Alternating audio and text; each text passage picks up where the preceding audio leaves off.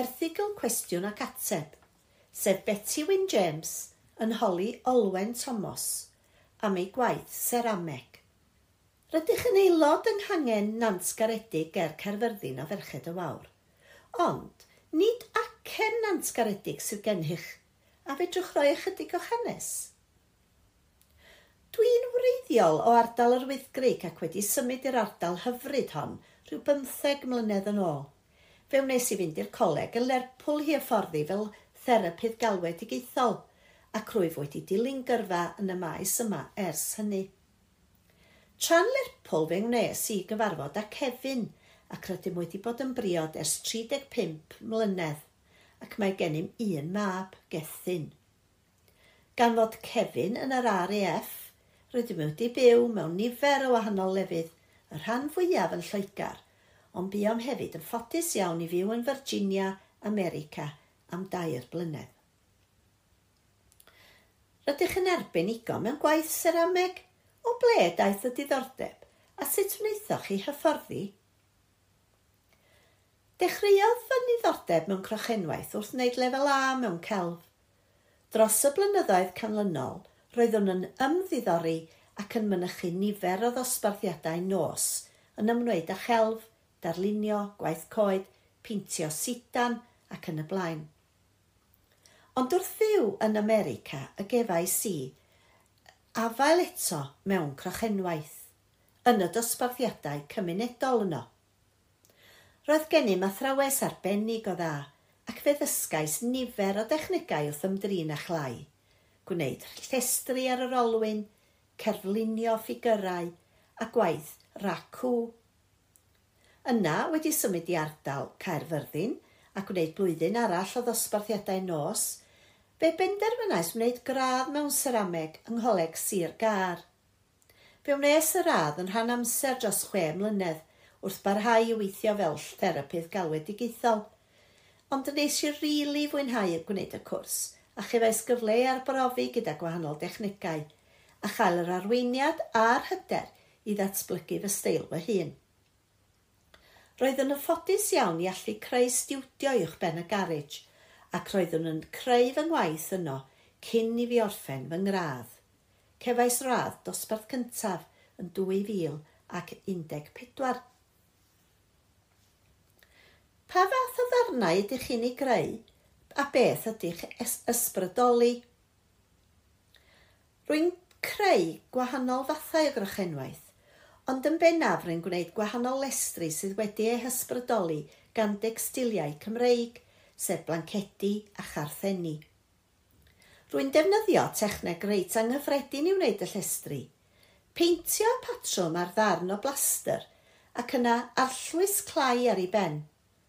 Mewn ffordd yn creu defnydd porslen ac yna yn torri allan siapiau ei ffurfio ac uno nhw a'i gilydd. Yn ogystal â jygiau, cwpanau a fasus, dwi hefyd yn gwneud darnau cerfluniol i'w rhoi ar y wal. Mae'r gemwaith porslen ac arian hefyd yn boblogaidd. Clis dlysau, crog dlysau a broetsis wedi eu gwneud yn yr un dill. Mae'r blynyddoedd a dreiliais yn ardal dinorwig ymysg y llechi yn ysbrydoli agwedd am gwaith arall – sef cerfluniau, afasus, crawiau. Dwi wrth fy modd gyda siapiau igam-ogam y ffensys crawiau yn yr ardal, a hefyd lliwiau a phatrymau'r cen sydd yn tyfu arnynt hwy erbyn hyn. Erbyn hyn, rydych wedi sefydlu busnes mewn cerameg ac emwaith. Beth yw hanes datblygiad y busnes?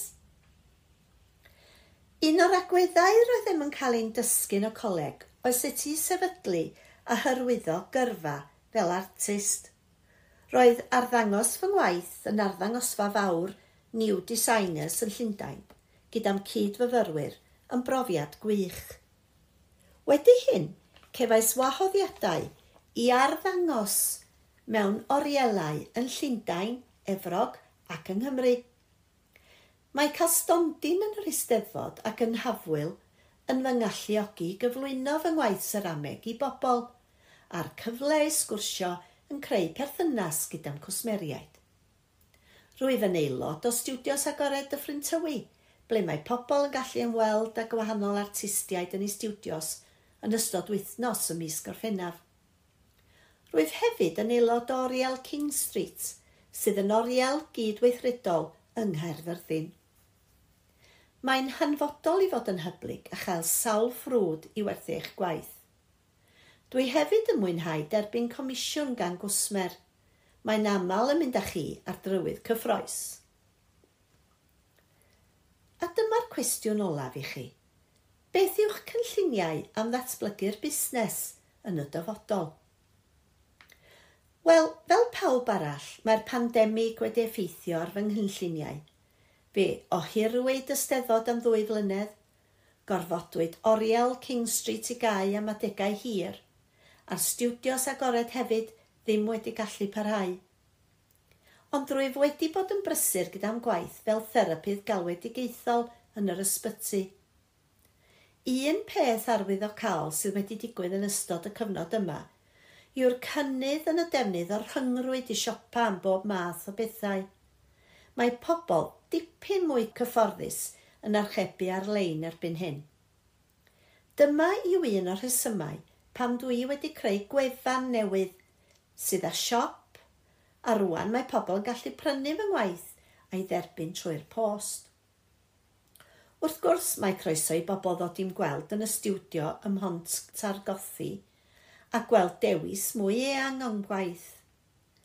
Ond byddaf yn, yn ymddeol o fy swydd yn yr ysbyty flwyddyn nesaf.